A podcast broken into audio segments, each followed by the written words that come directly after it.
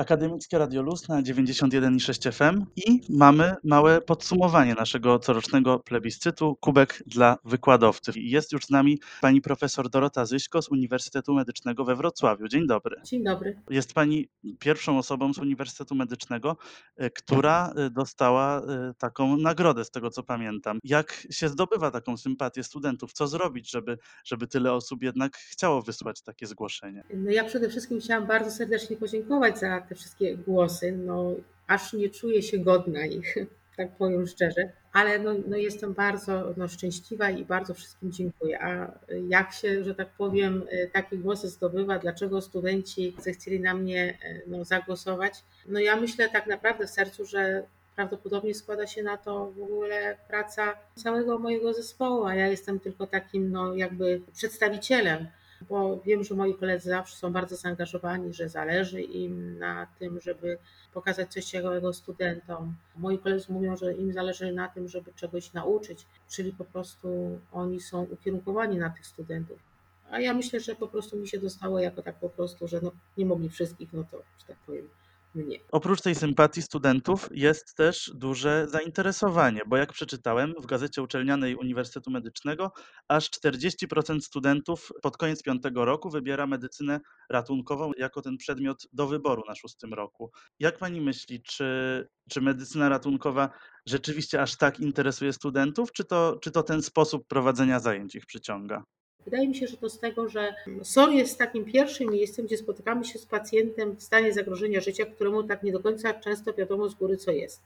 A więc po prostu tam się najwięcej można nauczyć, co robić, jeżeli przyjdzie do nas pacjent z różnym, bardzo szerokim zakresem różnych problemów chorobowych. I dlatego ja nie dziwię się studentom, że oni wybierają medycynę ratunkową, bo ja gdybym była studentem, również wybrałabym medycynę ratunkową, bym wiedziała, że tam będę mogła no, najwięcej się nauczyć z rzeczy takich, które są dla mnie przydatne i na moim poziomie możliwe do ogarnięcia, na poziomie studenta. No bo jeżeli ktoś pójdzie, załóżmy na jakąś tam bardzo y, ścisłą specjalizację, to przede wszystkim on może nie mieć tych podstaw, żeby z tego jak najwięcej skorzystać. Druga jest rzecz, że pacjenci na SOR-ze no ciągle są, że tak powiem, nowi, to wynika też z natury SOR-u. W związku z tym ta możliwość zobaczenia różnych pacjentów jest naprawdę przeogromna.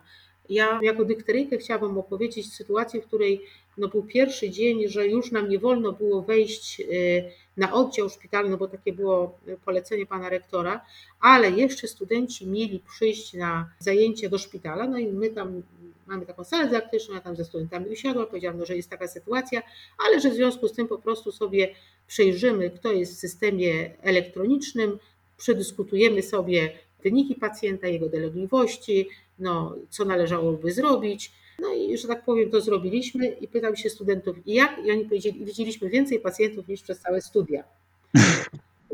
No rzeczywiście, czasem może się tak zdarzyć. I wydaje mi się, że stąd wynika ta właśnie chęć wybrania tego przedmiotu medycyna ratunkowa.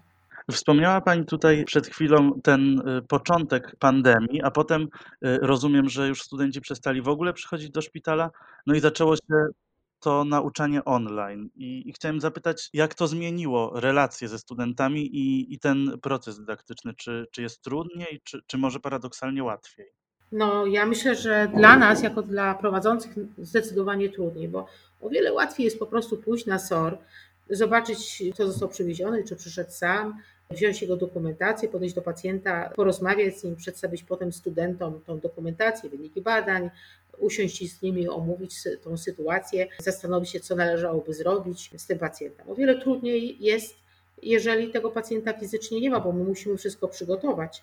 I po rozmowie z kolegami ustaliłam, że my po prostu będziemy starać się przygotowywać dla nich przypadki kliniczne, które no w różnym tam zakresie będziemy omawiać. I jeden z kolegów, jak do mnie zadzwonił, to powiedział, że on właściwie taki przypadek kliniczny na zajęcia, to on szykował cały dzień.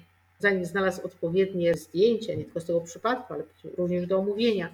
Oczywiście no, przypadek przypadkowi nie jest równy i y, w miarę, że tak powiem, y, doświadczenia y, człowiek pewne rzeczy robi szybciej. Tym niemniej po prostu, jeżeli chce się w taki sposób te zajęcia poprowadzić, to wymaga to od prowadzącego moim zdaniem więcej takiego zaangażowania, przygotowania niż takie zajęcia, które on prowadził na zasadzie, że po prostu przyszli studenci na zajęcia kliniczne, a on ewentualnie jakieś tam wprowadzenie im ewentualnie zrobił odnośnie do tematu. Także z punktu widzenia osób, które prowadzą te zajęcia, w naszym przypadku to raczej było bardziej obciążające. Ja, że tak powiem, zajęcia miałam dwa razy w tygodniu. Raz miałam zajęcia na fakultecie z EKG, a raz zajęcia z szóstym rokiem. To już w tym pierwszym okresie to może mniej, ale potem to już z wybraną specjalnością raz w tygodniu.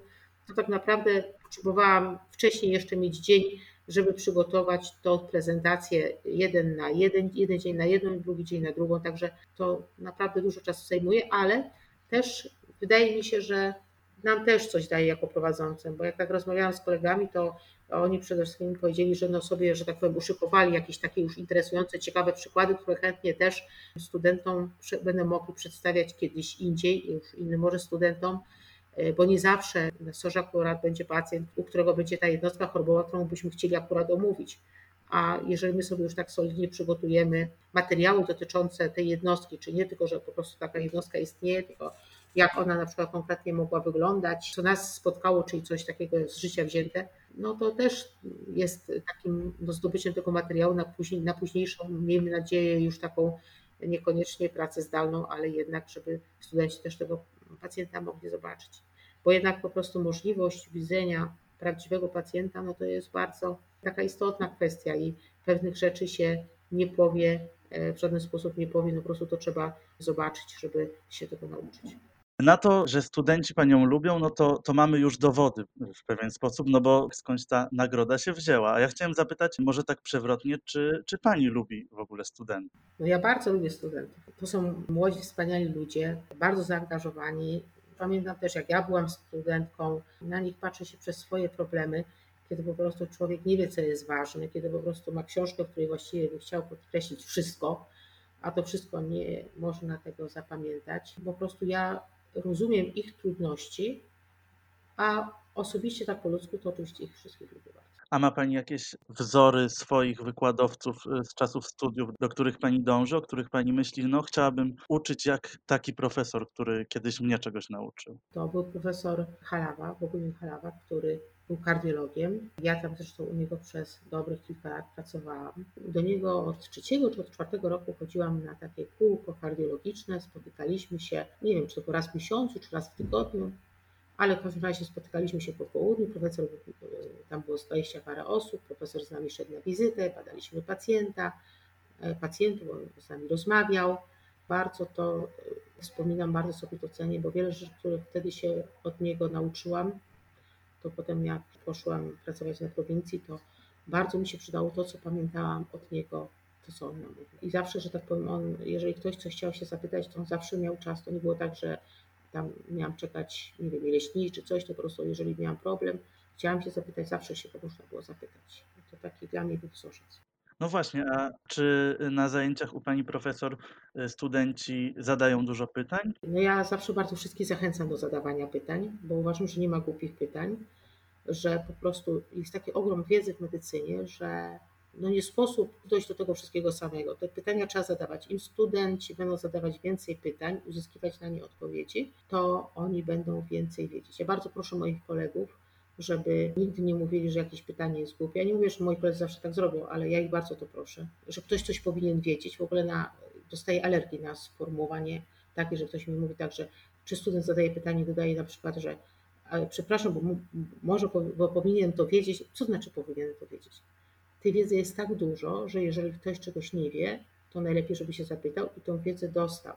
Mówiła też Pani o tym, że, że medycyna to jest taki ogrom wiedzy, że często jest taki syndrom tego, że chcielibyśmy podkreślić wszystko, nauczyć się wszystkiego, no a, a nie da się tego zrobić. I jak pokazać studentom te najważniejsze rzeczy i to, na co najbardziej mają zwrócić uwagę, i przede wszystkim w tym ogromie informacji, jak sprawić, żeby student się nie wyłączał na, na wykładzie przede wszystkim. No, z tym, żeby się nie wyłączał, to trudna sprawa. To nie wiem, czy mam na to przepis.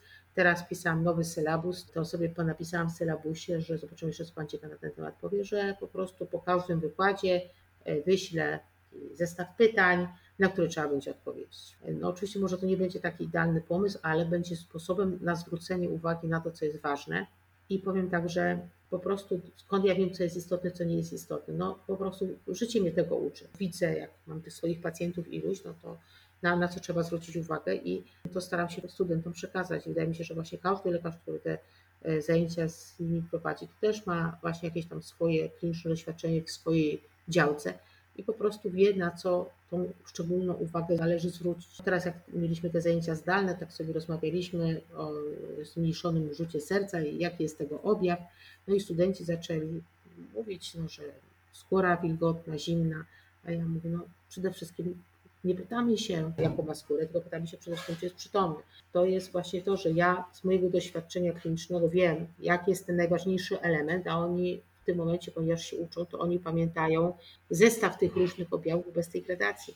A po to są właśnie te zajęcia, po to jest ten prowadzący, prowadzący, który no, już jest jakiś czas lekarzem i ma to doświadczenie kliniczne, żeby na to im y, zwrócił uwagę. Może takie pytanie filozoficzne, ale bardziej czuje się Pani lekarką, czy jednak nauczycielką akademicką? A czuję się tym i tym i tym. Bez jednego dla mnie nie ma drugiego. Po prostu ja nie, nie leczyła pacjentów, to trudno byłoby mi, że tak powiem, o tym leczeniu mówić. Ja pamiętam, jak uczyłam, bo pracowałam w ratownictwie medycznym, wówczas też jeździłam karetką, no i studenci mi coś tam mówili, że się nie da zrobić czegoś tam, a ja mówię, jak to się nie da zrobić, jak ja właśnie dzisiaj w nocy, dzisiaj skończyłam dyżur, dzisiaj w nocy właśnie to, że robiła. I w związku z tym mówię, da się zrobić. Po prostu no nie można uczyć czegoś, czego człowiek nie robi. No bo wtedy po prostu nie, nie ma tego elementu naj, najistotniejszego, że on po prostu z własnego doświadczenia wie, co jest istotne i ważne. Nie? Chociaż też cały czas trzeba się doszkalać, żeby potem nie wpaść w drugą pułapkę. E, słyszał Pan, co to jest doświadczenie? Jaka jest definicja doświadczenia? Nie, wydaje mi się, że nie. Doświadczenie to jest popełnianie tych samych błędów z coraz większym przekonaniem. Także trzeba uważać, trzeba uważać, trzeba się cały czas uczyć, ale ponieważ ja też się cały czas uczę, to widzę, jak mi ciężko niektóre treści wchodzą do głowy, żeby je zapamiętać i tym bardziej rozumiem studentom, że im też tak łatwo nie jest. Bije od pani profesor taki bardzo pozytywny stosunek do studentów, ale zdarzają się może czasem takie sytuacje, kiedy, kiedy ma już pani nas dość po prostu? Mnie się to nie zdarza. Rozumiem, bardzo, bardzo konkretna i, i, taka definitywna odpowiedź. Bardzo mnie to cieszy. Czytałem w wywiadzie dla, dla Gazety Uczelnianej Uniwersytetu Medycznego, że była Pani na kursie pedagogicznym, na którym było dużo takich cennych wskazówek na temat tego, czego potrzebują studenci i jak prowadzić zajęcia. I czy może uważa Pani, że, że takie kursy powinny być powszechne i dostępne, a może nawet obowiązkowe dla, dla nauczycieli akademickich? U nas dla nauczycieli akademickich jest obowiązkowy kurs, ten pedagogiczny. Każdy nauczyciel akademicki musi go przejść. Natomiast z takim powtarzaniem, no ja myślę, że to jest trudna sprawa, jak to, że tak powiem, tak fizycznie miałoby e, wyglądać, ponieważ ilość obowiązków, których mamy, to w pewnym momencie, jakby jeszcze doszedł jakiś jeszcze jeden kurs, no to no, sprawa byłaby trudna, gdzie to jeszcze zmieścić. Także ja myślę, że to jest bardzo, że tak powiem, istotny problem, ważny problem ale jak to tak rozwiązać w tym momencie, to tak do głowy mi nie przychodzi, że myślę, że mamy, że tak powiem, zakład czy katedrę pedagogiki, to byłoby pytanie do nich, jak to oni uważają z własnych obserwacji, co myślą, żeby zrobić, żeby jeszcze bardziej ułatwić osobom, które prowadzą to prowadzenie tych zajęć, żeby jakoś je do tego lepiej nastawić, lepiej przygotować. Z tego co zrozumiałem, to prowadzi Pani wykłady, ćwiczenia kliniczne takie w szpitalu, a, ale ćwiczenia w centrum symulacji y, chyba też. Też czasami prowadzę. Też. A ma Pani jakąś taką ulubioną formę może tych zajęć? Najmniej przyznam się lubię wykłady. Wolę taką formę zajęć, kiedy coś się dzieje jakaś jest interakcja, prawda? Czyli bardziej, czy to interakcja nawet na ćwiczeniach klinicznych, no to pacjent, nowy, nowe wyniki, prawda, nowe wyzwanie. Zupełnie 5 minut temu nie wiedziałam, co będzie, a proszę, jest. Na ćwiczeniach symulacyjnych też, co studenci zrobią, jak zareagują, czyli po prostu no coś też nowego dla mnie. No wykład jest bardziej przewidywalny, bo to, co sobie uszykuję, to sobie powiem, prawda? Czyli już nie ma te, tego elementu zaskoczenia i nowości a trudno jest łączyć obowiązki nauczyciela i, i lekarza. Jak jest pani w szpitalu i nagle coś niespodziewanego się dzieje z pacjentem, czy, czy, wtedy trzeba to jakoś połączyć, czy jest pani jednak tylko na zajęciach albo tylko w pracy? W medycynie ratunkowej mamy łatwiej o tyle, że pacjent jest krótko na sorze. W związku z tym nie ma potrzeby, żeby jeden lekarz, tak jak na oddziałach wewnętrznych czy chirurgicznych, zajmował się pacjentem codziennie. Czyli może być taka sytuacja, że na przykład ktoś jest w pracy poniedziałki i w piątki, a we wtorki, środę i czwartek ma wolne, nie jest pracy. Bardzo się staram, ale oczywiście nie zawsze to wychodzi, ale bardzo się staram, żeby zrobić taki plan e, zajęć ze studentami, żeby w tym czasie osoba prowadząca, czy ja, czy ktoś z moich współpracowników z Katedry Kliniki Medycyny Ratunkowej, nie był e, jednocześnie pracownikiem szpitala.